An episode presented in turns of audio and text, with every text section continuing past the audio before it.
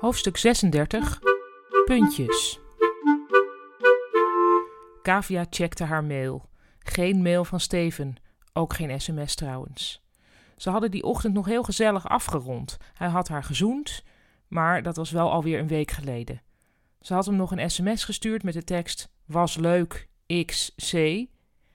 Daar kreeg ze een smiley op terug en dat was dat. Kavia had een paar dagen compulsief haar telefoon gecheckt, maar nee, en om dan zelf nog een keer iets te sturen, er waren grenzen. Stella kwam binnen. Jezus, wat is het hier warm. Waarom gaan mensen naar een Grieks eiland als je ook op een stoffige afdeling kunt zitten? Kavia glimlachte. Stella was iets beter te harde als er verder niemand bij was, en bovendien was ze Stevens zus.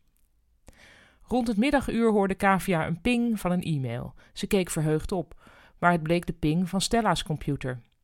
Kort daarop hoorde ze Stella grinniken. Hilarisch, zei ze zachtjes. En toen harder tegen Kavia. Mijn broer, die mailt. Die komt vanavond eten en neemt zijn ex mee. Of nee, niet zijn ex dus, want nu is ze weer zijn vriendin. Die mensen geven het begrip knipperlichtrelatie weer een nieuwe dimensie. Bedoel je Steven? vroeg Kavia tegen de klippen ophopend dat het niet zo was.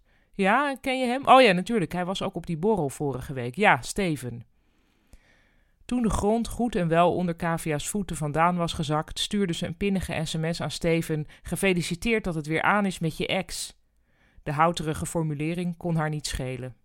Er kwam snel een sms terug. Sorry, puntje, puntje, puntje. Ik ben heel vaag in die dingen, maar daar moeten anderen niet de dupe van worden, puntje, puntje, puntje. Nogmaals sorry, puntje, puntje, puntje.